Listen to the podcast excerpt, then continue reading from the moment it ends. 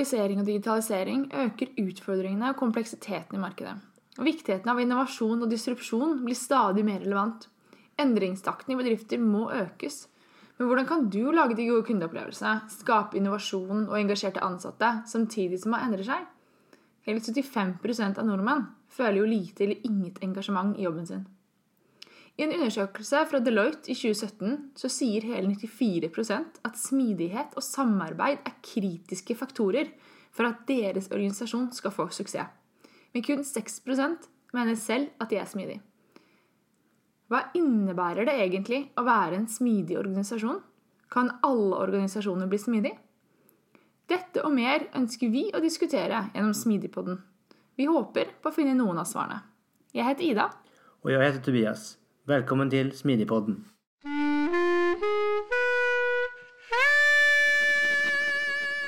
Velkommen til episode 17. I dag er vi tilbake med en ny gjest, men før vi kommer dit, så tenkte vi at vi tar en liten oppsummering på hva som har skjedd, og hva som kommer å skje. Har du lyst til å begynne, Kashida? Jeg skal begynne. Mm, ja, jeg har jo ikke så mye spennende eh, som har skjedd. Eller jo, jeg har jo ny jobb. Eller kan man kalle det ny jobb fremdeles? Det tror jeg. Ja, jeg startet i hvert fall i januar som uh, agile coach i DNB. Elsker det. Syns det er kjempegøy. Koser meg skikkelig hver dag på jobb. Så det, det er veldig, veldig moro. Good. Uh, ja, hva har jeg gjort siden sist? Jo, jeg har vært en tur til Trondheim. Hadde en ganske intens dag der med først et frokostseminar hos Beck. Jeg fortalte litt om det vi gjør i Riks-TV. Hadde en liten sesjon med domstolsadministrasjonen og sparra litt med de rundt utfordringer som de og vi har. Veldig spennende. Og så fikk jeg um, muligheten å møte noen av våre studenter som vi har på sommerprosjekt på Riks-TV i sommer. Så veldig hyggelig. Og sen hadde jeg en presentasjon til på noe som heter Nor AI, en konferanse. Så et uh, ganske intens dag, men uh, veldig spennende. Mm. Ellers så var jeg på, også med Beck på en ja, kundedag eller noe i den stilen. Eh, seminar i november, tror jeg det var. Oktober-november. Og nå er det faktisk sluppet denne uken som podkast. Eh, for det var en sånn paneldebatt der, så det kan man høre på. Så eh, Beck Open Podcast, så er det episode 32. Kan linke til den. Vi linker til den. Eh, den heter i hvert fall episoden 'Den om digital produktutvikling i etablerer organisasjoner'. Jeg tror det er i hvert fall tror det er to klipp med, med meg inni der, så det er fint at man får være med i flere podkaster. Ja. Eh, ellers så har det vel kanskje ikke skjedd så veldig mye mer som er i hvert fall relatert til det vi snakker om her. Nope. Men det er mye spennende på gang. Allerede om en uke så er det spørs om korona kommer og tar oss. Ja. Det kan hende at det blir, um, blir kansellert, men vi, vi, håper at det ikke blir det. Så er det um, smidig meetup her i Oslo. Og uh, altså mandag 16. mars. Og da er tema Enterprise og Business Agility. Og da skal jeg ha en presentasjon der. Jeg har faktisk fått en hel time. Så, uh, Oi, en hel time? En hel time, ja. Så, det, så jeg jobber med presentasjoner fortsatt. Men, uh, så det kan bli, bli, mye spennende. Så rekker jeg kanskje gå litt mer i dybden på ting som vi har, har gjort i Riks-TV. Så det kan bli spennende. Ja. Ellers så er det vel Det er ikke kanskje offisielt, men jeg kanskje kan si at det er offisielt i dag. Du ser veldig ubekvem ut i det. Ja, jeg ser litt ubekvem ut. Men vi, vi sier det likevel, gjør vi ikke det? Vi gjør tydeligvis det. Ja. 20. mai. Tror vi. Tror vi. Ja. Eh, da er det jo Smidig digitaliseringskonferansen. Yep. Og etter der så har vi tenkt å kjøre en livepod-innspilling. Så vi jobber i disse dager på spreng med å få etablert Eller etablert? Landet, kanskje. Landet, ja. landet um, artister, jeg på å si. Det var kanskje litt voldsomt, men uh, gjester heter det. Ja. Og vi skal gjøre det sammen med Gnist. Ja, det er så, viktig. Så der, um, der, kommer det mer informasjon etter hvert. Men um, hold av ettermiddagen kvelden 20, 20. mai, så håper vi at det er der vi lander. Det her følte jeg var skikkelig skummelt, for nå følte jeg liksom committa sånn skikkelig, liksom. Ja, men det, er, ikke, det, er det ikke bra, da? Jo, det er jo egentlig det. Men før så har det vært sånn Ja, ja, ja, vi vet vi skal gjøre det. Men nå så ble det sånn Shit. Oi, jeg har kanskje ikke lov til å si det ordet på podkast? Det tror jeg er lov. Ja. Det er jo din podkast. Det er min podkast. Nei, så nå, Men nå ble det jo skikkelig ekte. Ja. Men eh, jeg tenker da er vi kanskje Ja, er vi gjennom det som har skjedd, og det som skal skje? Jeg tror kanskje? Ja. Så, er, kanskje vi skal bare hoppe rett inn til uh, gjesten vår. Jeg Så tror det. Jeg har gledet meg skikkelig til det her. det her blir bra. Ja. Så eh, kos dere. Ja.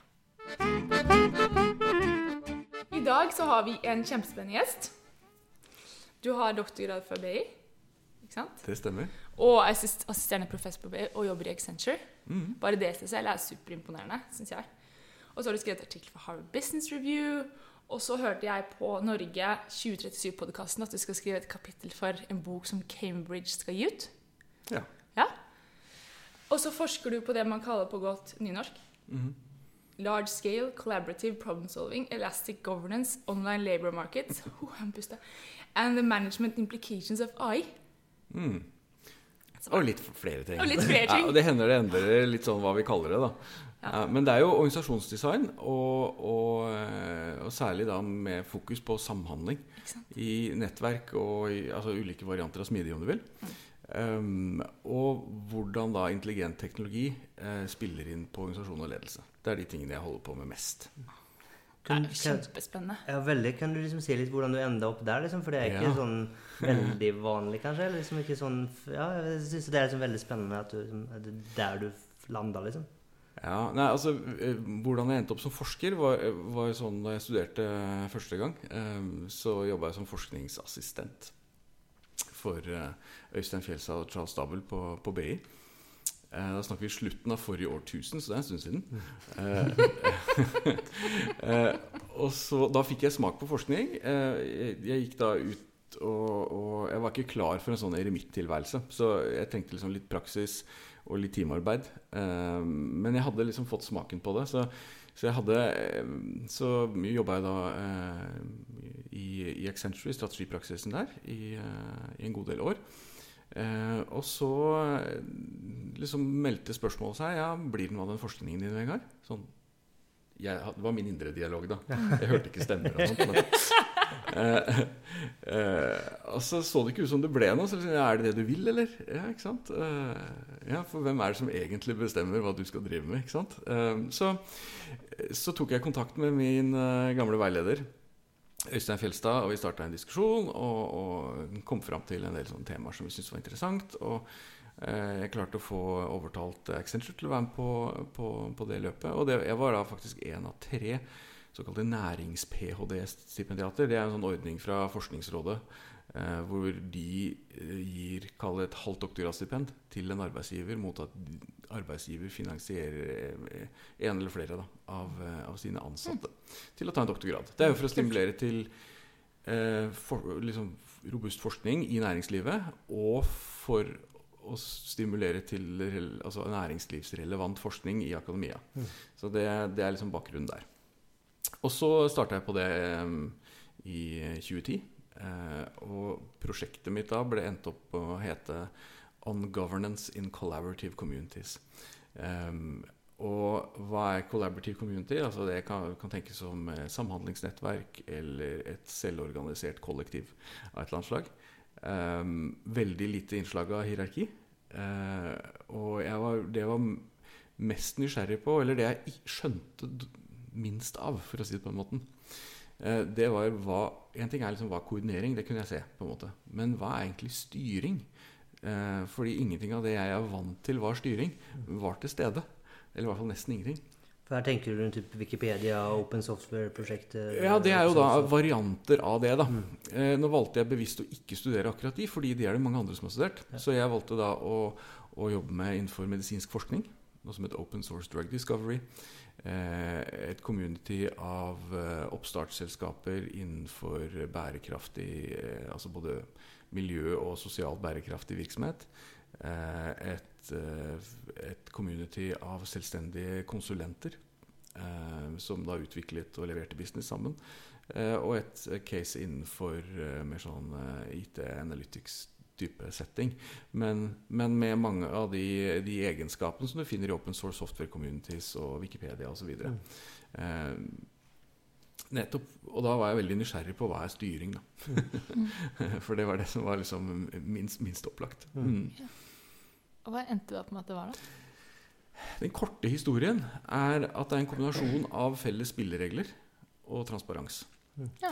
Eh, og stor grad av felles mål. For hvis du tenker deg hvordan en, et klassisk hierarki fungerer, så jobber vi jo alle mot eierens mål. Mm. Ikke sant? Og det er masse mekanismer for å sørge for at vi mer eller mindre følger de. Mm.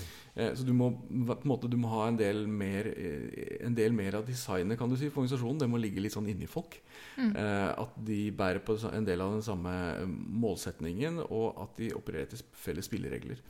For hvis du driver med problemløsning, hvor eh, man løser stadig nye problemer med nye kombinasjoner av folk og ressurser, så kan ikke designet ligge i en fast struktur, fordi da holder det folk fast. Og, og, og ressurser fast, og informasjon fast. Og da får du ikke til de nye kombinasjonene. Eh, så og, eh, og for å få til det, så, så trenger du da eh, transparens, eller det jeg kaller for god sikt.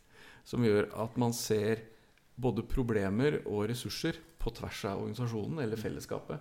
Eh, sånn at man kan eh, eh, altså, koble selv. Da, Mm. ikke sant? Altså at det ikke er basert på at det er en eller annen sjef som skal ha sett den koblingen, Mm. eh, og, og så liksom gjennomføre den.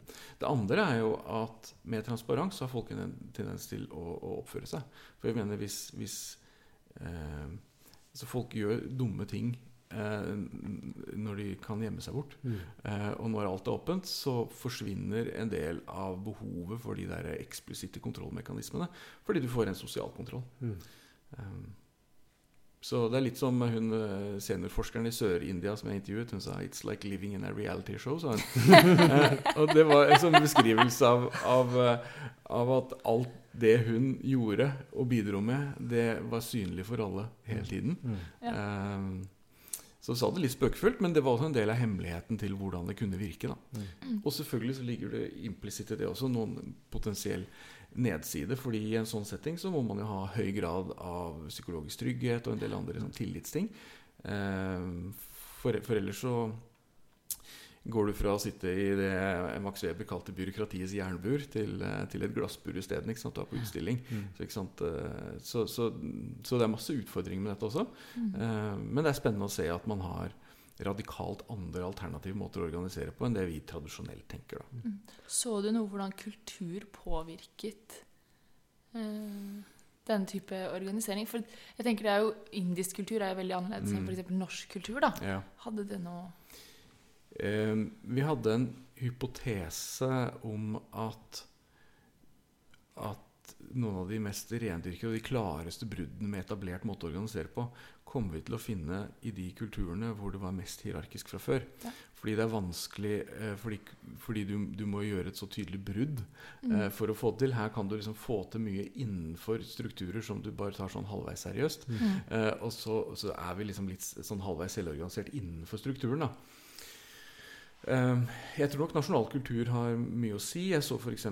han som en Ganske kul tittel, forresten. Han som var kall det leder. Altså, hans tittel var Chief Mentor. Oh. Professor Brahmachari. Eh, og noe av det han var veldig Han var veldig tydelig leder. Men måten han var det på i de fellesskapene For jeg var til stede på noen av de møteplassene hvor, hvor de delte kunnskap og, og, og på en måte prøvde å sette kursen videre. Da. Eh, og han var veldig tydelig på å holde fast på åpenheten, eh, på det, liksom det egalitære, eh, til å ikke bare drive med inkrementelle ting, men liksom virkelig liksom heie på de, de eh, der hvor noen tør å ta et sprang. Da. Mm. Mm. Eh, så i det så var han en veldig viktig kulturbygger. Og i det så kunne han faktisk være på grensen til bøllete. Eh, altså fordi han, han måtte liksom riste folk litt løs. da Mm. Ja. Eh, em, så det, det var morsomt å observere, og du ser litt forskjellige eh, greier der. Men, men kulturen bygges jo av de folkene som er der. Og det jeg Mm. ser, da, det er jo at em, det Kall det det DNA-et. Det er akkurat som et menneskeliv, på en måte. Eh, Det DNA-et som til slutt resulterer i et voksent menneske. Eh, Det har jeg vært med fra, fra befruktningen da, ikke sant? Eh, og så er det en sånn celledelingsprosess hvor, hvor det DNA-et mangfoldiggjøres og, og, og blir mer utvikla. Men, men det, er, det jeg ser, det er at en, det, det du gjerne ser i disse communityene, det er at de grunnleggende spillereglene, de viktigste verdiene, de er med fra starten av. Mm. Og så blir de gjerne videreutviklet, så det blir mer sofistikert og det blir mer detaljert. og det er liksom sånne ting. Men det å gjøre et dramatisk skift, sånn som et av de, et av de casene jeg studerte, så hadde de utfordringer med at de, de hadde en del spilleregler som gjorde at det var veldig enkelt å drive med sånn gratis passasjergreie. Sant? Sånn at du, du endte opp med at bidrag eh, og forbruk, om du vil, da, eh, ikke sto i stil. Og da ble det ikke bærekraftig økonomisk eller på annet vis. Og når de da prøvde å endre på det, så forsvant folk. Ikke sant? Fordi at da forsvant jo eh, det, det var stikk i strid med kulturen, for det var en liksom sånn gratis eh, kultur. Eh, og, det være veld, og de var helt allergiske mot formalisering. Eh, eh, og da når de begynte å formalisere, så, så var det en del som valgte å liksom bare si takk for seg. Da. Ja. Eh, så gikk de i oppløsning isteden. Etter at de hadde hatt en periode på i hvert fall halvannet år med kraftig vekst, og ting så ut som var bare en helt stormende suksess. Eh, men, men når det ble litt motbakke, Ja. eh, så bare gikk det i oppløsning. Mm. Mm. Intressant. Ja. For det, det kan jeg liksom kjenne igjen med liksom at det, altså passer ikke kulturen, så, Mm. så skjer det noe med de som altså, Da er det naturlig at folk forsvinner òg. Liksom, om du endrer på kulturen ganske drastisk, så kan det også føre med seg at det, liksom, folk finner noe annet. Da, for de føler kanskje ikke bekvemme i den, i den forventningen eller den kulturen som ligger der. Da. Mm. Eller- Og det er en fersk metastudie innenfor um, hvis, vi, hvis vi Jeg har eh, Vi kan snakke om smidig eh, utvikling og liksom varianter av det med scrum osv. Men hvis vi tenker oss litt bredere og sier smidige metoder, da, Mm. så ville jeg tatt med sånn som design thinking, f.eks. Mm. eh, vi- fordi det er en del fellestrekk. Det er den, den veldig brukersentrerte eh, tilnærmingen. Det er iterativ eh, arbeid. ikke sant? Altså at man gjør ikke alltid en eh, big bang, men man, eh, man lager en tidlig uferdig utgave, og så, eh, så kjører man mange syklus på den. Og dette med skal vi si, eh, tverrfaglig team med mye samhandling. Mm. Det er sånn fellestrekk som du kjenner på tvers. Eh, og Det er gjort en, nylig en metastudie på forskning da, på sammenheng mellom eh, design thinking-metode og bruk av det opp mot organisasjonskultur. Og da ser man jo at de tingene ikke overraskende er gjensidig forsterkende. Så de, der hvor det i utgangspunktet er en, en litt sånn måle- og effektivitetskultur, så er det vanskelig å få til å virke. Og der hvor det er en, eh, en litt mer sånn eksperimentell, utprøvende, læringsorientert kultur, så er det mye lettere å få til. Mm.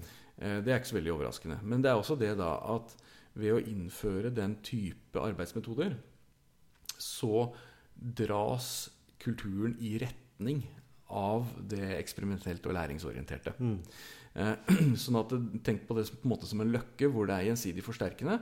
Eh, enten den ene eller andre veien. Mm.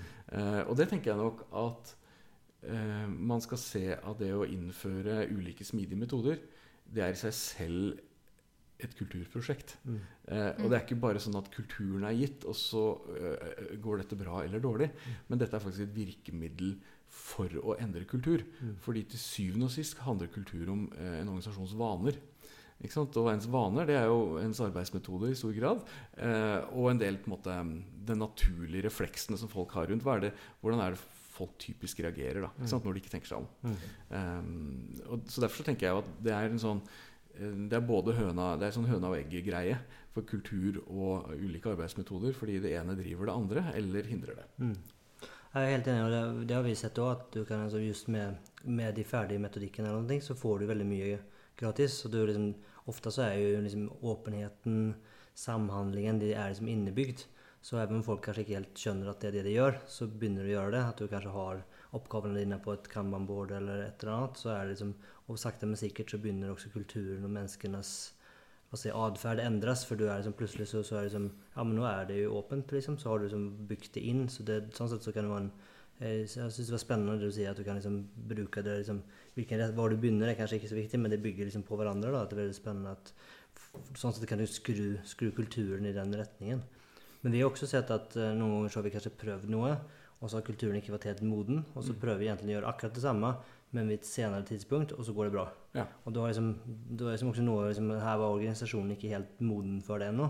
Men, men man har kanskje gjort andre ting underveis, og så når man prøver på nytt, så, så går det mer naturlig. For da har man liksom Det kunne vært kanskje eksempel litt med Ja, ikke sant? Og, og det er litt som en strikk, på en måte. Mm. Altså sånn hvis du, hvis du skal dra noe i en retning med en strikk, så må det være en viss avstand. Så det må være en litt sånn spenn i det. Eh, er, er avstanden for stor, så enten så får du ikke strikken rundt de to tingene som du skal dra sammen, Mm. eller så ryker strikken. Ikke sant?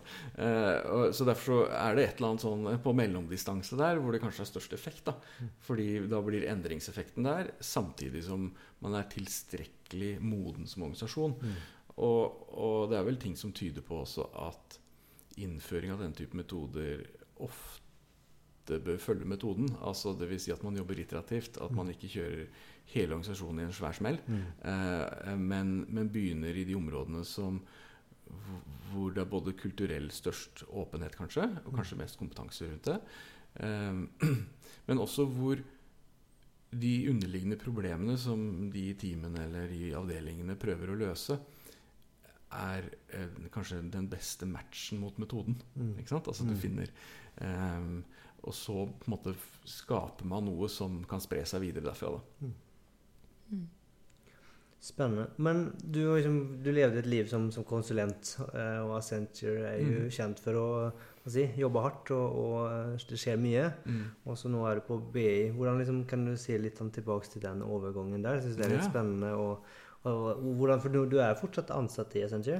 Jeg har en, jeg har en eh, deltidsrolle som kalles seniorforsker, så jeg har en 20 %-stilling. Ja. Og så er jeg fulltid på BI, kan du si. Ja, um, så det, I akademia så er det ganske vanlig å ha det man kaller en toerstilling. Dvs. Si, uh, I tillegg til der hvor man er heltidsansatt, så har man gjerne en sånn type 20 mm, som går med forskning og forskningsformidling. Da. Og I akademia så er det gjerne undervisning. Mm. Um, og det er for å stimulere til kunnskapsdeling og samarbeid på forskningsfronten og sånt. Og det er egentlig akkurat det samme eh, Mm. jeg gjør i min rolle i Accenture. Både forskning og forskningsformidling. Mm. Så jeg har bl.a. et eh, felles prosjekt med, med eh, en eh, Accenture-forsker i San Francisco. eh, på, på AI og beslutningstaking, som jeg holder på med nå. Og så har vi diverse sånne kommunikasjonsaktiviteter. Mm. Spennende. Um, og overgangen altså det er Jeg har jo gjort den overgangen nå, eh, kall det to ganger. Mm. Først etter eh, ni og et halvt år som konsulent, og da bli doktorgradsstudent. Mm. Eh, For det var du, du var 100% student? Ja, jeg var Ja, altså er jo ikke Og det å være doktorgradsstipendiat, det er jo sånn sett bare 25% å være student. Resten er å, å gjøre forskning under veiledning. Mm. Så det er i hovedsak det det er. Um, så, så jeg har smakt på den overgangen eh, to ganger. Så jeg var tilbake i en fulltid i Accenture, både som konsulent og en fulltidsforskerrolle, før jeg liksom hadde hovedtrykket på akademisk side igjen. Da. Og på en måte så er det som, som konsulent så er du valgt, vant til å jobbe nye steder på nye prosjekter med nye problemstillinger. Så i begynnelsen så var det ja, bare et nytt prosjekt på et, på et vis. Mm. Eh, Men det er en sånn mentalitetsforskjell, eller forskjell i den underliggende hensikten med hva man driver med, som, som gir noen utslag som er interessant. Eh, For du kan tenke deg som i hvilken som helst, om du er konsulent eller har en annen praktisk gjennomførende rolle, så er man ute etter den gode løsningen eller den gode beslutningen. Ikke sant? Det er man ute etter da. Og det er det man anvender kunnskap for å få til. Eh, I akademia så er du opptatt i første omgang av det gode problem. Mm. Eh, fordi f- eh, Og du må jobbe Og er en forsker er Hvis du har et godt problem, eh, så er de glade og fornøyde i ti år, de. Eh, eh, og greia er det at eh, fordi skal du Du må virkelig jobbe med problemene for å komme opp med en eller annen forklaring. Og hvis du har en god forklaring, så kan du si noe vet du ikke om løsninger. Mm. Eh, mens, mens som praktiker så er det viktigste at det virker. Og så er det noe mindre viktig om du skjønner hvorfor. Mm. Ikke sant? Mens, mens som akademiker er det helt omvendt. Mm. Det viktigste er ikke at du virker, men du skjønner hvorfor. Mm. Eh, eh, eh, og, det som binder det sammen, er forklaringen. Og det, på akademisk så kaller vi det teori. En teori er en forklaring. Mm. Eh, utfordringen der er jo at de ofte er på veldig ulike språk. Så den Mm. forklaringen som En akademisk forklaring, den er ikke umiddelbart forståelig for alle andre. Mm. Eh, og det tenker jeg jo der jeg har en mulighet til å bidra noe, da. Mm. Med det å ha litt den, være litt tospråklig, da. Mm. eh, ligger jo i det både å jobbe med forskningsproblemstillinger som er vikt, praktisk viktige, Mm. eh, og teoretisk vesentlige. Eh, og da kunne oversette de forklaringene til noe som, som er forståelig og nyttig for de som eh, skal prøve å få til et eller annet her i verden. Da. Så det er liksom der men, men i begynnelsen så var det Jeg hadde veldig lett for å hoppe til en eller annen løsning. Så fort jeg så et mønster, så kom jeg opp med en slags oppskrift. Eh, og da, det gjør deg til en dårlig akademiker. Eh, så du må, du må ikke slippe problemet for tidlig. Du må liksom virkelig jobbe med det. fordi hvis du skal, til syvende og sist handler jo forskning om å finne ut noe nytt. Um, og det skjer jo bare hvis du jobber med et problem vi ikke har skjønt godt nok. Ikke sant? Men jeg, jeg skulle ville påstå at vi alle sammen har noe å lære av akademiet der. Jeg tenker at vi generelt hopper altfor fort på løsning, alle sammen. Og at kanskje man burde være lengre og faktisk skjønne problemet. da, mm. man, for det er så lett. og Jeg vet ikke, Vi er som trent til at det skal være løsning, løsning, løsning, og så skal man løpe videre. Men, og man er kanskje mer opptatt av at man har gjort noe, enn at man faktisk har løst det problemet man hadde. da. Og det er liksom det er enklere å ta en Ibux enn å faktisk skjønne hvorfor jeg har vondt i hodet. liksom. Ja, og det er liksom Man hele tiden hopper på det, det lettere løsningen. da. Jeg tror du har helt rett i det. Og hvis du, hvis du ser litt konseptuelt på en problemløsningsprosess, da, så foregår den både i det vi kaller problemrommet og i løsningsrommet. Eh, og jeg tror vi alle skjønner på et eller annet nivå at, at hvis du skal løse et problem Altså En god løsning er jo noe som faktisk gjør noe med problemet. Og skal du øke sannsynligheten for eh, å få en god løsning, så bør du faktisk skjønne problemet. For ellers så løser du til alt annet. Du vet jo ikke om det treffer. Um, og og vi, har en, vi har en kultur hvor i de fleste organisasjoner hvor det fineste vi kan si om noen, er at de er løsningsorientert. Eh, men det kan bety at de har problemangst. Hvis du skjønner hva jeg mener. Ja. Eh, fordi du må faktisk ta tak i problemet og ikke hoppe ut av løsningsrommet, rømme ut derfra, for det er så skummelt. Fordi det oppleves ikke produktivt. Fordi du egentlig så virrer du jo rundt. Du, holder jo, du må jo liksom håndtere din egen forvirring. Eh, og, og, og der tenker jeg jo at um, det er alt med måte, men, men, men det, det tror jeg er viktig for ledere da, i problemløsende virksomheter. Det er å skjønne hvor lenge skal du holde folk i problemrommet. Eh, og, og passe på at de ikke stikker av for tidlig. Eh, fordi eh, selvfølgelig skal man bruke mesteparten av tiden på, på løsning, for til syvende og sist er det som krever mest ressurser. Men det som er mest avgjørende, er forretning. ikke sant? Det er jo, du bruker ikke så mye ressurser på det, men det er ekstremt avgjørende for hvor bra resultatet blir. Om du har skjønt problemet eller ikke, eller hvor godt du har skjønt det. da. Eh, Så det, det tenker jeg er viktig å, å ha med seg da, for de som leder den type team og organisasjoner. Jeg tenker spesielt altså, de fleste eller mange organisasjoner kanskje i større grad ønsker et kundefokus. Og da er det skal du faktisk løse noen annen sine problemer, og ikke dine egne. Ja. Og da det krever det jo veldig mye av organisasjonen for å se, skjønne noen andre sine problemer. og ikke for det er En ting å skjønne sine egne problemer, det, det kan være vanskelig nok, det, men, men du faktisk skal skjønne hva andre er. Og, og de fleste organisasjoner har jo mest sannsynligvis kanskje en annen kundegruppe enn de nødvendigvis har på kontoret. Så det er liksom en, en, en diff der, da. Og så er det jo alltid et spørsmål også eh, om du Altså én ting er da å ha fokus på å forstå uh, ens egne kunder. Eh, så er spørsmålet om de er de eneste man skal høre på. Mm. for vil man bare ha de kundene, eller vil man ha andre også? Eh, em, og en, en av drivkreftene bak, eh, for de av dere som har lest eh, Clayton Christensen og Disruptive Innovation og de teoriene der, handler jo bl.a. om at når store virksomheter hører for mye på kundene sine De viktigste kundene, det er de med de mest avanserte og de dyreste behovene. Eh, Så ender man opp med å, å skape et stort rom med, med folk som har kanskje litt mindre sofistikerte eh, behov og kanskje litt mindre penger. Eh, Og så kommer det opp nye løsninger som er lettere og smidigere og rimeligere. Men som forbedrer seg raskere enn resten, og til slutt tar over hele markedet. Ikke sant? Og fordi du får en sånn ressursavhengighetsgreie. Fordi ressursene går til å betjene ens viktigste kunder. Og i det så skapes det en veldig positiv dynamikk, men det skapes også potensielt en binding som gjør en litt sånn halvblind for, for hva som kommer. Da. Eh, så det å være bevisst også på, på å utforske ikke bare kjernekundenes behov, men hva som skjer på en måte et litt bredere bilde, er jo liksom, er, er en viktig strategisk valg. Da? Hvordan skal den balansen være? Spennende. Du var litt inne på, på lederen sin roll. Mm. Skal vi hoppe litt videre Ja. inn der? Det er litt spennende. For, for jeg tenker jo at en organisasjon er jo ikke altså, Lederen har en veldig viktig rolle der, og organisasjonen er nesten ikke bedre, eller kan ikke være mer moden enn hva lederne er. Og det er jo liksom litt annerledes å kanskje lede en organisasjon som driver med hva skal jeg si, kompleks problemløsning Mm. kontra noe annet. Ja.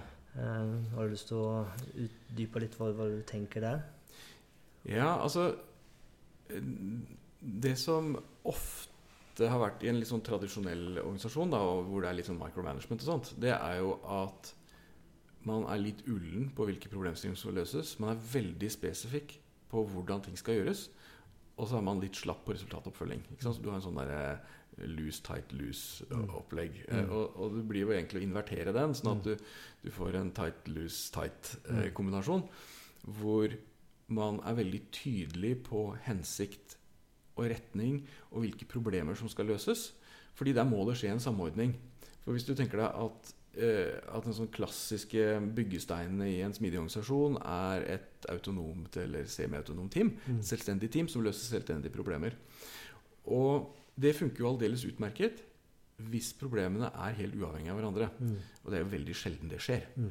Så du må jo ha en eller annen sammenheng. Og en av de samordningsmekanismene da, det er jo hvordan er det man stykker opp de, det store problemet, eller de store problemene i mindre løsbare problemer som et team kan få et selvstendig ansvar for å løse. Um, og så gjelder det å, å holde fingrene av fatet, da, sånn at man ikke begrenser teamets kreativitet og problemløsningsevne. Mm. Uh, men det er en sånn blanding der, fordi man er jo avhengig av at man har noen felles metoder, noen felles verdier, noen felles sånn kulturuttrykk som også spiller inn i timene. Så det å passe på liksom, å håndheve spillereglene for hvordan er det, vi, hvordan er det hos oss, Mm. det tror jeg er viktig.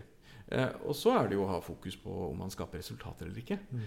Eh, for det viktigste er ikke aktivitet, men, men resultat. Mm. Eller en eller annen form for effekt. Da. Det kommer an på hva det skal være. Eh, og det trenger ikke nødvendigvis være økonomisk, det kan være andre ting også. Eh, det tror jeg nok er, eh, er viktig. Da. Så liksom, hensikt og verdier eh, og spilleregler. Eh, fingrene av fatet på det faktiske arbeidet. Mm. Eh, og så en mm, klar forståelse av eh, om man oppnår de resultatene man, eh, man prøver på eller ikke. Ja, for, ja, for jeg synes det henger litt sammen med det vi snakket i stad. Men jeg føler ofte at man, man er for opptatt av aktiviteten Mm. og kanskje liksom, og, si, løsningen, Mm. ikke problemet eller effekten. Ja. Eh, og det, liksom, det krever liksom en, en mindshift der da, Mm. som, som er vanskelig å få til, da, for man er så trent på output. At du skal liksom Mm. bare få, få ting igjennom. Og så lenge alle er opptatt, så lenge liksom alle, alle bare gjør noe, så er alle happy. Uten at man kanskje nødvendigvis verken løser et problem eller får noe effekt. Ja, fordi det som, det som av og til er en fare, da, fordi når man jobber iterativt, ikke sant, så begynner man å telle litt andre ting. Mm. Ikke sant? For eksempel så Antall releaser er sånn, sånne ting som man er lett for å telle. Mm. Ikke sant? Og nå har vi, har vi, vi I år så har vi, har vi sluppet eh, eh, liksom 50 nye, altså 50% flere releaser enn i fjor. Mm. Eh, som om det var et resultat. Mm. Eh, For hvis de er bitte små, eller hvis de ikke eh, treffer eh, behovene, eh, så er jo ikke det så innmari viktig. Så det er bare en, så innenfor liksom den der smidig-greia så har man, kan man falle i akkurat samme felle med at man teller feil ting. Mm. Eh, det er fint å følge med på releaser, og sånt, for det er en indikator på et eller annet. Mm.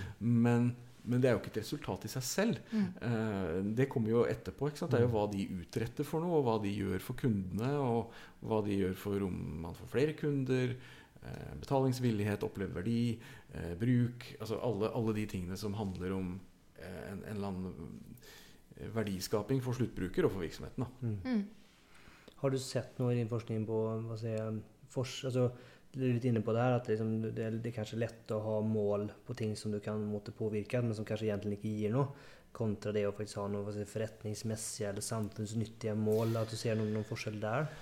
Altså, Paradokset her, eller utfordringen her, er jo at Altså, hvis du snur det da og sier liksom eh, Ved rutinearbeid så er det ofte veldig enkelt å måle. Mm.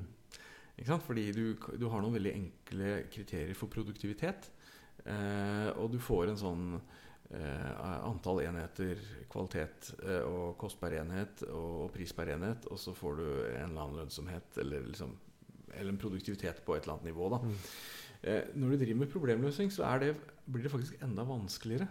Fordi hva skal du egentlig telle for noe? Mm. Det gjør det ikke mindre viktig, men det gjør det enda viktigere å følge med, fordi vi har en tendens til å telle det som er lett å telle. og så styrer vi på det som blir lett å telle, Mm. som om det var viktigst. Mm. Og det er det ofte ikke, da. Mm.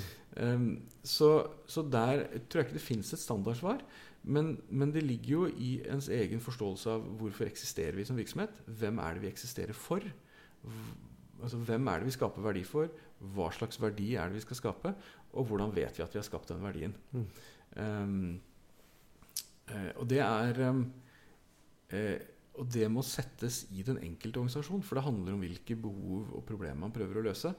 Og finne da meningsfulle måter å måle framdrift mot det. da Mm. um, eh, så så, så det, var jo det var et litt sånn kjedelig forskningssvar, dette her. Fordi det det kommer an på. Eh, Men jeg syns det var veldig interessant. For det er sånn Hvem, hva og hvordan vet vi? ja. Det, jeg synes det er spennende. Vi, vi, jobber jo mye med mål med Mhm. flere deler av organisasjonen. Mm, Og da er det jo akkurat det her vi diskuterer. Hva er gode mål? mm. Og hvordan vet vi at vi har kommet dit? Mm. Eh, så jeg syns egentlig det var en ganske fin oppskrift. Ja. Ja, og skjønner man ikke oppdraget, eller skjønner ikke det Mm. underliggende problemet, så har man heller ikke noe å måle. Mm. Eh, Så, så de tingene også henger også sammen. Og så tenker jeg um, Det du sier egentlig er at man må finne sine egne mål. Man kan ikke kopiere noen andre sine mål heller. Ja. Og det tenker jeg også er viktig her, at du må liksom finne din egen, egen vei jeg si, og egen, egen mål. Det finnes sikkert noen gode prinsipper for hvordan uh, identifisere og måle og kvantifisere og osv. Men, men du, jeg tror du har helt rett. Altså, det, mm, måling må stå i stil til, eh, til, til hvilke behov man skal fylle, og hvilke problemer man skal løse.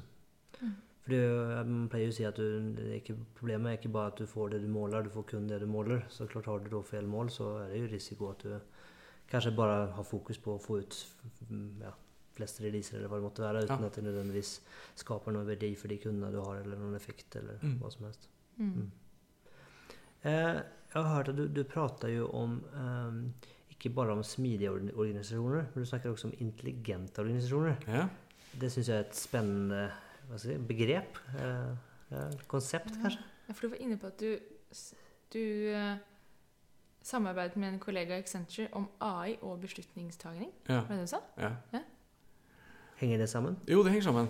Ja. Um, fordi hvis, hvis vi liksom tenker um, Ta et steg tilbake. Mm. Så tenker vi eh, tar, Hvis du tenker på liksom, i den industrielle æraen, i de store produksjonsvirksomhetene, i, i, eh, i de store offentlige byråkratiene, hva var den store altoverskyggende organisatoriske problemstillingen? Jo, det var hvordan organisere storskala rutinearbeid mest mulig effektivt. Mm. Så det er den, den effektive organisasjonen, om du vil. Mm. Og det handler om input-output-effektivitet, og det handler om eh, standardisering og, og, og visse former for flyt. Eh, hvis vi ser på arbeidslivsstatistikk, da, så ser vi at eh, de siste tiårene, 40-50 årene i hvert fall, så har det skjedd et storstilt skift fra at de fleste drev med rutinearbeid, til at nå driver de fleste med ikke-rutinearbeid. Mm. Eh, og eh, noen tall fra USA tyder på at krysningspunktet skjedde i 1995. Um, og da kan man stille seg spørsmålet er det fortsatt da det viktigste eh, organisatoriske spørsmålet. Er det hvordan organisere eh, storskala rutinearbeid? Mm.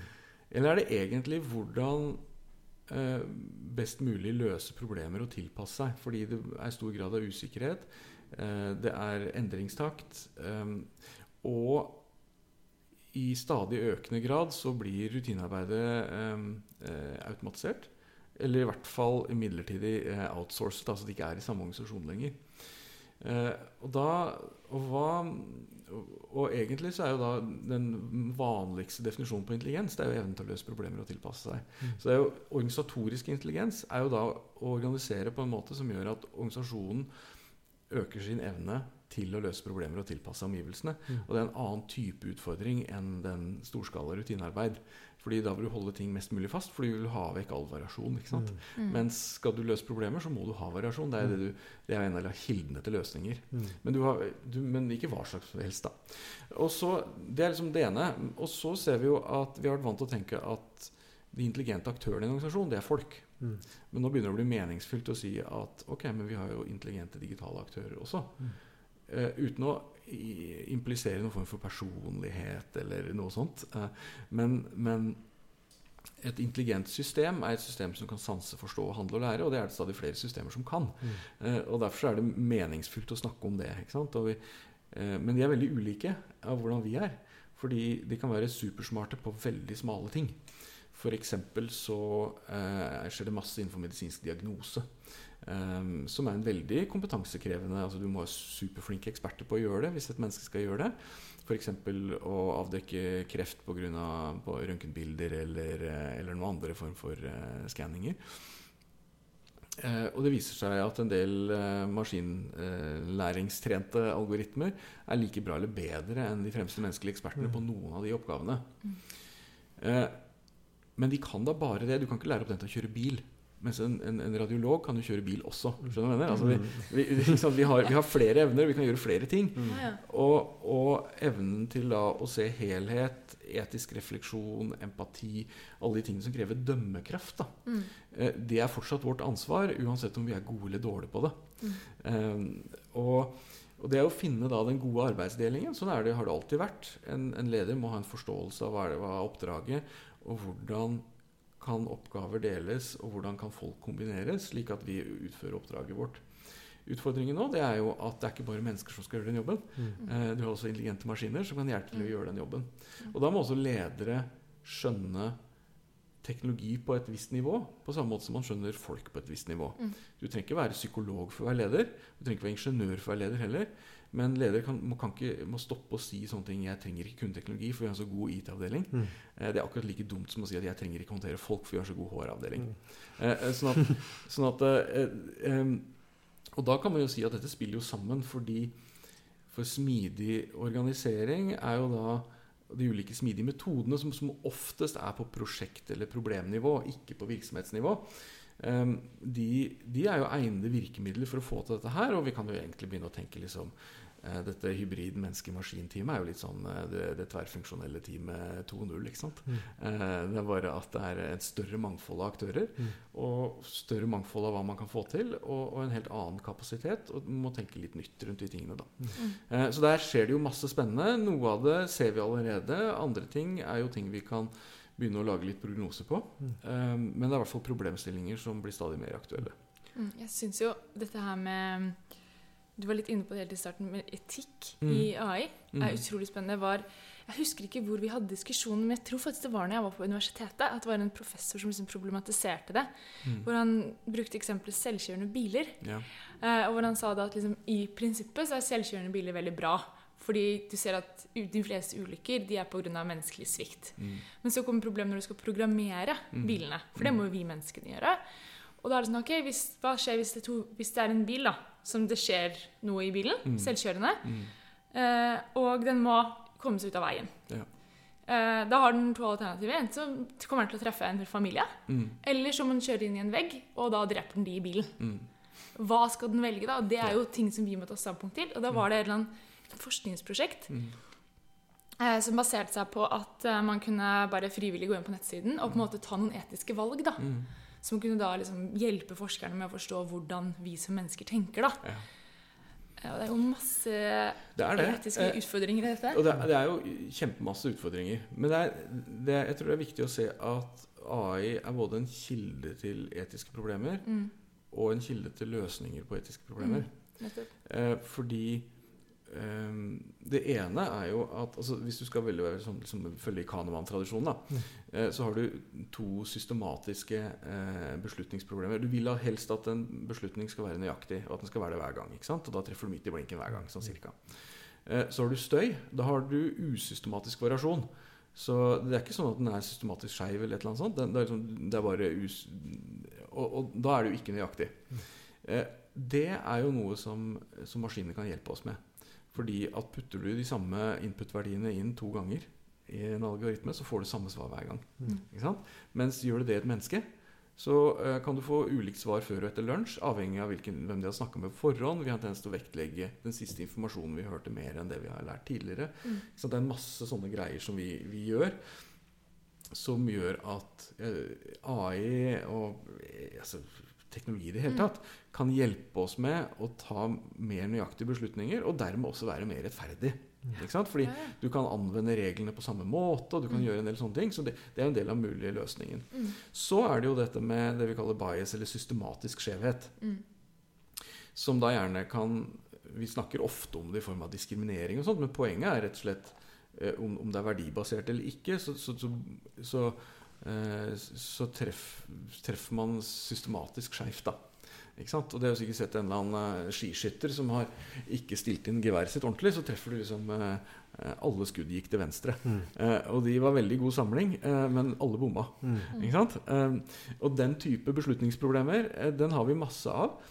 Eh, men i sosiale prosesser så er det ikke så lett å avdekke. Mm. Men når du får AI, så kan du jo da få samme type problem.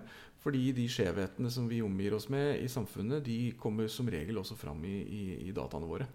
Eh, så da, da, da får vi nye sånne type kilder til en type skjevheter. Greia er jo det at jeg tenker at hva er det vi gjør med det som mennesker? Jo, vi setter gjerne sammen mangfoldige team. Eh, fordi de har ulik kompetanse, ulik perspektiv, ulike meninger. Og gjennom det så prøver vi å eliminere noen av disse skjevhetene. Eh, sånn sett så kan jo enda en bidragsyter inn i den prosessen, ref en algoritme, kan jo da være med på å utligne det, eh, det Og synliggjøre de skjevhetene som allerede var der. Um, eh, men, men vi kan jo da ikke abdisere. Ikke? Så det at noe kommer ut som nøyaktig, da, for du har en eller annen prosent? Du får en sånn, Det er 99% nøyaktig. Det høres kjempebra ut. Eh, men det er jo for den gruppen du har testet på. Hva da med de eh, det også brukes på, men som ikke er en del av datasettet? Vi ser at uh, ansiktsgjenkjenning-algoritmer kjenner igjen hvite menn mest effektivt. Uh, og, uh, skal vi si, og de mørkeste kvinnene minst effektivt. Og det er fordi at eh, det finnes færre bilder av dem i de bas databasene som er brukt til å trene dem opp på. Da kan du gjøre noen strukturerte tiltak når du avdekker det og får testet det ut. Eh, og, og, supplere med nye data, eventuelt eh, lage syntetiske data, for å få opp eh, nøyaktigheten på, på, mindre grupper. Um, så, så det er et ganske sånn innfløkt problemstilling, men det er både en kilde til problem og løsning samtidig. Mm. Eh, og så kan man tenke seg at man trenger kanskje et mangfold av algoritmer også. At man utvikler algoritmer som har som hensikt å avdekke bias. Mm. Ikke sant? Mm. Eh, så du har nye testmetoder for den slags. I hvert fall kjente, kjente typer skjevheter. Så her, her, er det eh, jeg er, det, det, jeg vil advare litt mot, da, det er jo det at risiko vi er vant til, og problemer vi er vant til, de diskonterer vi, og det vi har lært oss å leve med. De har liksom, liksom bare akseptert at de er der. Så det at folk dør pga. at noen har kjørt i fylla, liksom, det er innmari trist. Men, men vi, det er liksom uh, det, er, det, er, sånn her i livet. Og den grad den utslaget av, av, urettferdighet det har Vi liksom Vi prøver å gjøre noe med det, men, men, men vi er vant til at det er sånn. Um, selv om selvkjørende biler vil gi mye større trafikksikkerhet, så syns vi det er superproblematisk hver gang det skjer et eller annet. Mm. Um, og vi må ha litt balanse i det regnskapet. Vi skal ikke tåle de nye risikoene og bare liksom si at ja, okay, det var bedre enn før, så la oss bare la det skje. Men vi kan heller ikke overdimensjonere det, sånn at vi ikke nyter godt av de gevinstene, også etisk og liksom, sikkerhets- og rettferdighetsmessig, fordi det ikke blir 100 rettferdig. Mm. Um, hvis det blir bedre, så er det vel grunn til å tenke at man bør prøve på det, og så må man jobbe med å gjøre det enda bedre. Mm. Vi står jo kanskje liksom på altså, Skiftet er kanskje litt dramatisk, men vi er, liksom, vi er på vei inn at selskapene står egentlig mer innenfor med problemløsning. Det er kompleksitet. Vi har masse spennende teknologi på vei inn. Ja. Hva, tenker, hva, hva, hva, skal vi gjøre, da? Hva, hva tenker du er neste steg, og hvordan tror du fremtiden vil se ut? Jeg tror uh, vi må erkjenne at vi er litt sånn um, et sånt mellomland hvor det er ikke sånn at vi vet ingenting om fremtiden. Men vi vet ikke nok til å kunne ta liksom, bombastiske beslutninger og legge detaljerte planer og bare kjøre ut i. Mm. Så jeg tenker jo at smidige arbeidsmetoder, bredt forstått, er en del av løsningen. Eh, for vi er vant til å tenke om at en strategi det er en plan. Og er verden forutsigbar, så er det helt utmerket, og du vet det du trenger å vite. Men hvis verden er uforutsigbar, og du ikke, vite, altså du ikke vet alt det du trenger å vite for å ta en god beslutning, eh, så er jo planen sannsynligvis feil i den blir gjennomført, selv om det er verdens beste plan. Mm. Eh, så kan vi heller ikke bare svime rundt i blinde, ikke sant? Fordi da blir jo alt tilfeldigheter. Så det er jo et eller annet sted imellom her. Um, Og som din, eh, din gamle sjef Christian Birkeland eh, pleide å si, at han så på strategi som et med hypoteser som dere stadig drev og utviklet og testet. Mm. Og jeg tenker det er et godt um, perspektiv. Fordi da er det Og da benytter vi oss liksom av vitenskapelig terminologi. da. Mm. Men greia er jo det at en hypotese er jo et spesifikt uttrykk for en teori. Altså Vi har en formening om hvor verden, verden går. Og så finner vi ut en, liksom, hvordan ville det da være helt spesifikt. Og hvordan kan vi teste om det faktisk er sånn. Mm. Sånn at du hele tiden kan lære mer. Fordi hele forskningen er jo der for å flytte kunnskapsfronten. Og det er jo en mentalitet som de fleste virksomheter da trenger å beherske og liksom institusjonalisere. da. Um, og, og, og da egner jo smidige metoder seg bredt forstått til en form for disiplinert eksperimentering. Mm. Eh, og at det da ikke bare er et organisasjonsprinsipp, men det er også et strategiprinsipp. Mm. Så jeg tenker det er en sammenheng der, Mm. eh, hvor vi kan forholde oss meningsfullt til usikkerhet og til manglende kunnskap, og, men samtidig til trender som gjør at noen, noen fremtidsbilder er mer sannsynlige enn andre. Mm. Eh, men, du må, men, men det er også en slags sånn tilpasningsdyktighet da, å sette det i et system da, som jeg tror, tror er viktig der. Så jeg tror eh, ja, den type metoder anvendt på strategi Mm. eh, er, er, er noe av deler av løsningen. i hvert fall. Hva tenker du som forholdet ant, altså, antall mennesker? Altså, vi, vil jobbene forsvinne? Vil vi liksom ikke eh, vi tenker Problemløsning, samhandling blir viktigere. Samtidig så kommer liksom AI og annen teknologi inn. Hvordan, liksom, hvordan, liksom, hvordan ser det samarbeides Ja. opp? Hvordan ser en organisasjon Ja. ut sånn rent strukturelt? på en måte? Ja, Det er noe av det jeg er nysgjerrig på. da Så Det er fantastisk eh, å være forsker fordi verden går ikke tom på for problemer. eh, og det er jobben min å være nysgjerrig, så jeg er verdens beste jobb. Eh, ehm, men du var innom flere ting der. Det ene er jo liksom eh, Gir automatiseringen og alle all den nye teknologien gir den oss masse arbeidsledighet, ikke sant? Mm. eh, det alle seriøse folk må svare, det er jo at de vet ikke. Eh, men, men, men eh, min eh, systematiske bias og kognitive skjevhet her i livet er at jeg er optimist. Eh, Så, så, jeg, så jeg, jeg tror ikke i utgangspunktet at vi får den, den dystopiske scenarioene som mange eh, ser mot. da Eh, og Det er et par grunner til det. Det ene er at den type eh, scenarioer om eh, teknologidrevet arbeidsledighet, den har vi nå levd med i 200-250 år, og den har fortsatt ikke slått til. Mm. Ikke sant? Og hva er bakgrunnen for hvorfor dette skjer? Jo, fordi at det er relativt lett å forestille seg hvilke arbeidsoppgaver maskinene kan gjøre som vi gjør i dag. Men det er vanskelig å forestille seg hva slags nye jobber er det vi skal skape. Mm. Eh, og det gjør at hvis du sammenligner det vi vet om Eller hva som er sannsynlig, hva som forsvinner, og det vi nesten ikke vet noen ting om hva som kommer, eh, så ender du opp med et bilde hvor en stor minus. Mm. Og det regnestykket vil nesten se sånn ut uansett på hvilket tidspunkt i verdenshistorien du kommer inn. I hvert fall etter industriell revolusjon. Så ser det ut som om jobbene skal forsvinne. Og sånn har det sett ut fryktelig lenge. Mm. Så jeg er ikke sikker på om det kommer til å skje. Det som er viktig å ta med seg, det er jo at vi kan forvente oss store endringer. Kanskje en endringstakt som er enda større enn før. Det kan gjøre eh, situasjonen for enkeltindivider og for yrkesgrupper og for bransjer ekstremt krevende. Um, eh, selv om kanskje vi som samfunn på en måte klarer dette her på, liksom, i, på netto, så Mm. vil, vil det kreve, kunne være veldig veldig smertefullt og kan gi mye type støy og misnøye og holdt på å si opprør for den saks skyld, hvis det er mange nok som opplever det krevende. Mm. Så jeg tenker jo at eh, som ledere og både, både i virksomheter og i samfunn, da, så tror jo jeg at det å prøve å hindre automatisering, det er det dummeste man kan gjøre. Det er sånn tiss i buksa-strategi. Mm. For det er i beste fall en midlertidig løsning. Og konsekvensen av det, det er at både virksomheten og individene har kortere tid til å omstille seg når det ikke er noen vei utenom. Så jeg tror jo at den omsorgsfulle og strategiske måten å forholde seg til dette på, det er jo å satse på folks kompetanseutvikling, slik at de er forberedt på det nye arbeidslivet, og de kan være med som drivere i dette. Mm. eh, Og heller gripe muligheten og skape den fremtiden vi har, eller, enn at de blir et offer for den. da. Mm. um, så, så et sånn hovedprinsipp tenker jeg at eh, vi skal ikke ha mm, Altså folk skal ikke gjøre maskinjobber. Hva som er maskinjobber, det er under endring. ikke sant? Um, for uh, det begynner å bli lenge siden, så var, um, jobbet folk med kulerammer. Uh, så fikk vi regnemaskiner, så fikk vi lommekalkulatorer, og nå er de på, på telefonene våre i lomma. Og vi har klart å leve med den endringen for hva som var en menneskejobb, og som ble en maskinjobb. Mm. Um, og jeg tror vi skal klare det nå også, men, men men hva resultatet blir, avhenger av hva de valgene vi gjør. Det er ikke en direkte konsekvens av teknologien.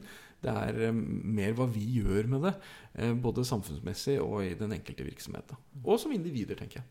Mm. Om som person, eller tenker nå er jo, Du er jo på BI og treffer mye studenter. og mm. jeg tenker jeg Kan gi noen tips for man skal føle sin egen del? om man skal liksom, Er det noe man kunne gjort liksom, for sin egen karriere som, som gjør en bedre rigga for uh, er det noen som, ja. er teamarbeid, samhandling? Er det noen ja, skill altså det, er jo, det er jo, Hvis du ser på sånn overordnet, så ser man uh, Og dette har, har, pågått lenge, men det ser ut til å akselerere. så ser man jo at uh,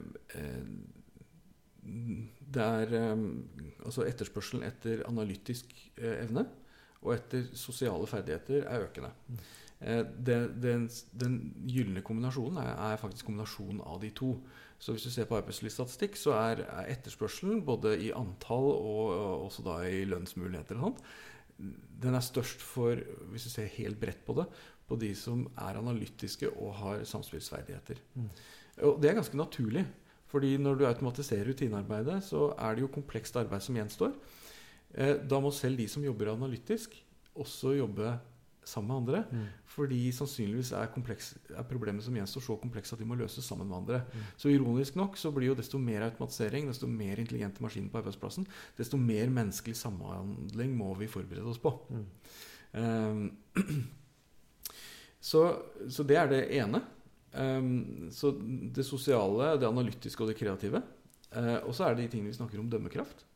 Uh, så det, det med kritisk sans og det å og også ta det etiske eh, perspektivet inn, og evnen til å tenke helhet osv. er viktig.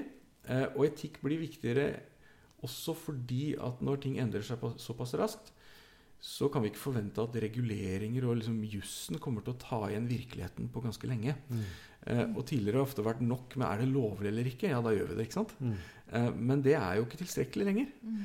Eh, så du må ta selvstendige vurderinger som virksomhet og som leder og som individ. Mm. Eh, fordi lovgivningen eh, ikke er tilstrekkelig. Og det, den kommer ikke til å ta det igjen på en stund.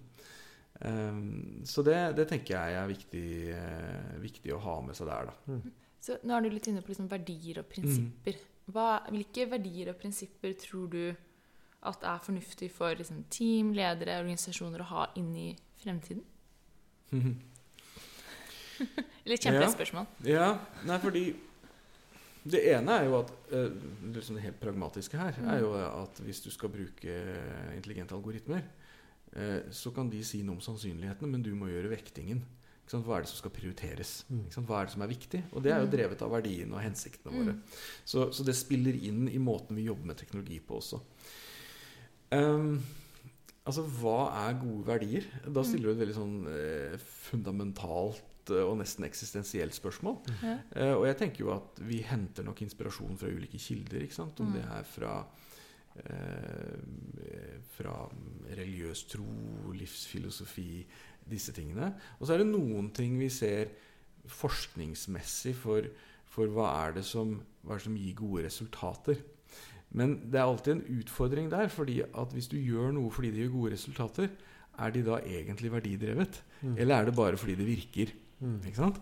Eh, og, og, så derfor vil, vil aldri den derre Eh, jeg er snill med andre fordi det eh, Altså, jeg er empatisk fordi det virker. Mm. Ja, er du da egentlig empatisk? Mm. Eh, eller bare fremstår du sånn? Mm. Ja. så du, du, du, kommer aldri helt i mål på det der. men vi vet jo noe om at at folk gjør bedre jobb, trenger mindre kontroll.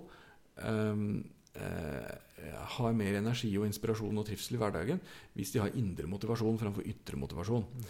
Så det å at man har en, en, virksomhet som har en hensikt som motiverer folk i seg selv, mm. hvor du ikke må betale folk for å gjøre en innsats altså Selvfølgelig må du betale folk, men, men, men, det å premiere folk med penger gir i utgangspunktet ikke nødvendigvis den motivasjonen du trenger. For du trenger folk som er nysgjerrig på å løse et problem. Som faktisk skal du ha brukerorientering. Så den beste måten å få det på, det er jo hvis folk faktisk har empati for brukerne og bryr seg om kundene. Eh, Ja, da får du jo helt naturlig driv mot det. Og det er jo å, å betone de tingene og sørge for å kommunisere de tingene som leder, og, og være en rollemodell. Da. Mm. Eh, det, det, tror jeg, det tror jeg er viktig, da. Eh, mm. Det er morsomt det du sier, da. Fordi jeg var Jeg snakket med en, en leder før, eh, i DNBF før jul. Mm. Eh, altså, han, var så, han hadde gitt da en pose med sånn julesjokolade da, til alle i ledergruppa si. da. Mm. Eh, og de hadde blitt så glad. Mm. Det var sånn, åh, så hyggelig at du liksom setter pris på meg, og nå skal jeg ta med den til familien min. og Mm. skikkelig der. Så er det sånn, De setter mer pris på den julesjokoladeposen enn de setter pris på bonusen. Mm. Det er liksom noe med den der eh, relasjonen og liksom den 'jeg setter pris på deg', da. Ja. Som folk Ja. Fordi, og, og du kan tenke deg da hvis Her er det sikkert mange som hører på, som er, eh, har erfaring med å jobbe i et eller annet smidig team. da, Mm. ikke sant? Eller i team i det hele tatt. Eller ønsker å gjøre det. Eh, og hva slags kollega er det du vil ha? Er det den som er villig til å gjøre en ekstrainnsats eh, for teamet, og til og med for å hjelpe deg hvis du trenger det? Ikke sant? Og, og da må man være en sånn kollega sjøl. Um, eh, og, og det skapes også ofte en sosial dynamikk inni der, hvor, hvor liksom unnalurere egentlig sliter enda mer i en sånn teamsetting enn de gjør i en tradisjonell organisasjon. Fordi da blir det mer sånn abstrakt og formelt eh, om hvordan ting blir eh, fulgt opp osv. Men når alle er avhengig av at alle, altså alle medlemmene i team gjør en ordentlig jobb, ja, så blir det også sosialt press for at de skal gjøre det. Mm. eh, men for at det da skal bli et støttende og motiverende miljø, så er man jo viktig at man modellerer den, det kollegaskap man ønsker å oppleve selv. Mm. Eh, eh, at man lærer seg hverandres språk og setter pris på andres kompetanse og, og lytter til hva de har å si. Eh, og at den empatien ikke bare er for brukerne, men også for kollegaene. Mm.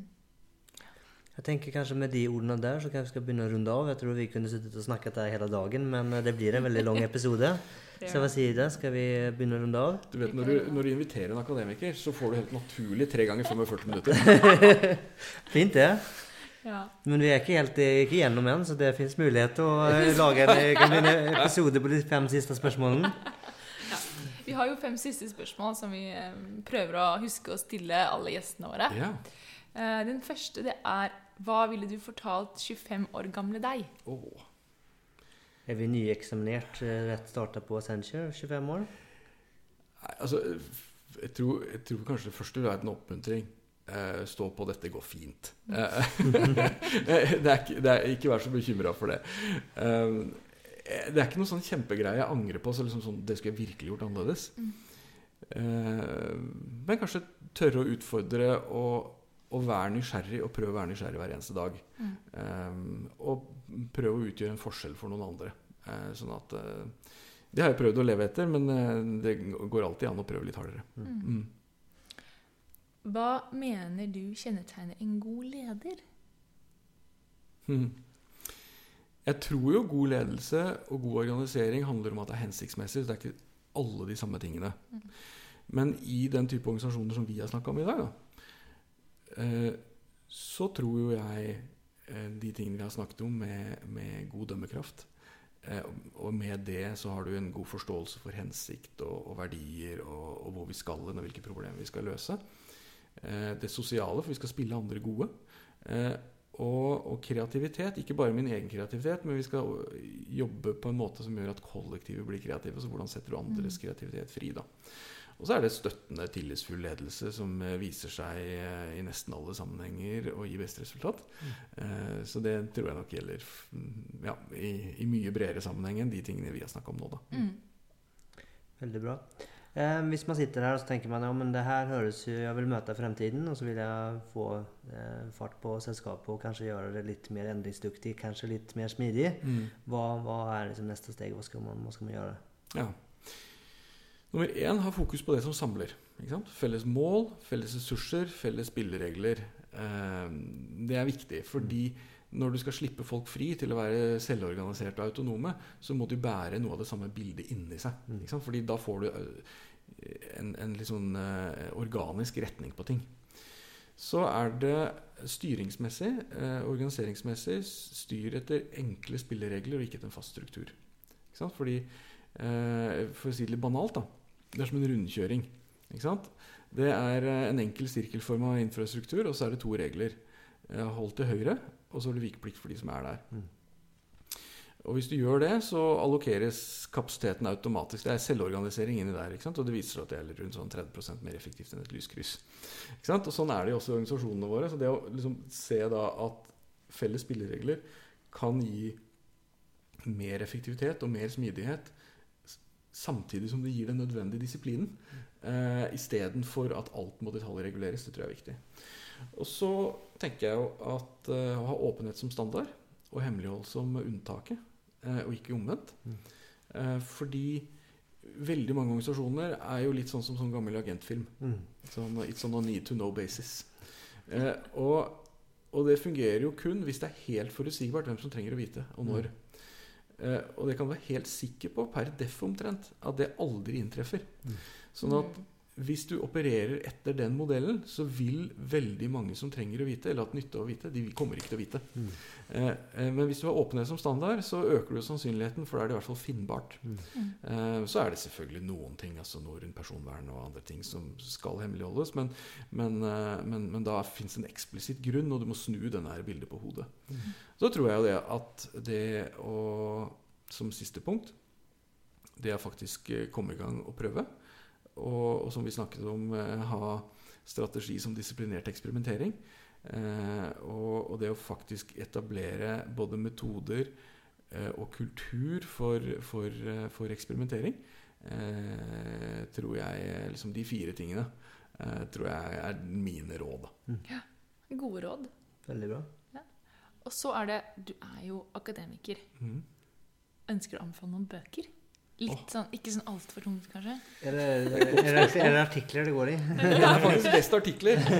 Um, ja, men, eh, eh, altså, hvis jeg skal drive litt egenreklame, og litt for en kollega, eh, så kommer det en, en bok i løpet av året på 'Designing Modern Organizations'. Mm. Eh, og den har ulike kapitler. da, så liksom Der er det The Agile Organization, det er The Designing Organization, og det er mitt kapittel som heter The Intelligent Organization og The Adaptive Organization. Så det er ulike perspektiver inn på de utfordringene som organisasjonene møter, og hvordan man tenker organisasjonsdesign fra de tingene. Så det blir en, eh, en interessant, som passe heterogen og passe homogen blanding, tror jeg, eh, av eh, bra kapitler fra veldig bra folk. Folk som er vesentlig mer kjent enn meg. da. Så det er da gode kollegaer Øystein Fjelstad og Chuck Snow som er redaktører for den boken på, på Cambridge. Så den, den blir bra, håper jeg. Så den tror jeg kan være interessant. Eh, på det med menneske-maskin-samspill og, og en del av implikasjonene av det, så syns jeg Den er, jo nå kanskje halvannet år gammel, eller noe sånt. Den som, boken som heter 'Human Plus Machine'. Der er jeg også litt sånn Altså eh, En av forfatterne jobber jeg sammen med, så eh, Jim Wilson, men det er Dorothy and Wilson. De har noen veldig gode perspektiv på det, og de har også noen gode perspektiv på blant annet, Ofte så, så holder det å lese de første to-tre kapitlene, men faktisk et av de siste kapitlene er veldig bra. Den som heter uh, Human Machine Fusion Skills. Hvordan skal, hvilke ferdigheter trenger folk for å jobbe smart sammen med maskiner? Um, så det er kanskje de to anbefalingene. Morsomt. Ja. Spennende. Når kommer den boken, da? Den første du nevnte? Uh, Den var vel egentlig ment å komme i august. Uh, Jeg har vel, om den kommer da eller litt senere på høsten, er jeg ikke sikker på. Åh, spennende. Spennende. Jeg kjenner jeg gleder meg til å lese den allerede. Eh, Siste spørsmålet. Mm, Det er sikkert mange som er nysgjerrig på å høre mer av deg, eller komme i kontakt med deg, kanskje etter denne podkasten. Så hvordan gjør man det om man vil snakke med deg noe mer? Ja, det aller beste måten er selvfølgelig å, å, eh, å eh, bli student på vår executive MBA. Den digitale spesialiseringen eh, som jeg er leder for. Um, nei, men eh, det enkleste er jo sånn sett Sånn faglig sett så, så deler jeg jo ting og, og har dialoger med folk på, på LinkedIn og Twitter. Eh, og så er det lett å finne meg på BAs nettsider også. Ja. Og hvis noen er nysgjerrig på artiklene, så går de på Google Scholar og så plugger de inn navnet mitt. Det er ikke så veldig mange andre som heter Vegard Kolbjørnsrud i verden. Så det du får opp da, det, er, det har jeg vært borti. Eh, eh, Sånn blir det når man ikke har eh, ASCII-tegn i navnet sitt. Når man har en, eh, Ø der, så blir, Ja. det, blir man ganske unik. Ja, da, men, eh, men Google har lært seg å håndtere Ø, da, faktisk. Ja, De har det. Ja, Good. Ikke lært seg til æ. Ikke? Nei, jeg skulle faktisk skrive inn eh, etternavnet mitt på et eller annet, og da sto det bare at, at det ikke var gyldig navn. Kjær var tydeligvis ikke bra nok. Nei, det, det skjer meg Ja. Så skjer. Så det, yes, nei, jeg tenker vi eh, takker uh, Vegard for at Ja. du kom i dag. Det var et, eh, veldig spennende veldig gøy der. Jeg håper du syns det var et fint å være hos oss. Tusen takk for at jeg fikk komme, og, og komme hjem til dere. Og, og, og eh, ha en sånn spennende prat. Så bra. Yes, så med det, så takk for denne gang. Takk for Denne gang. Ha det bra. Ha det.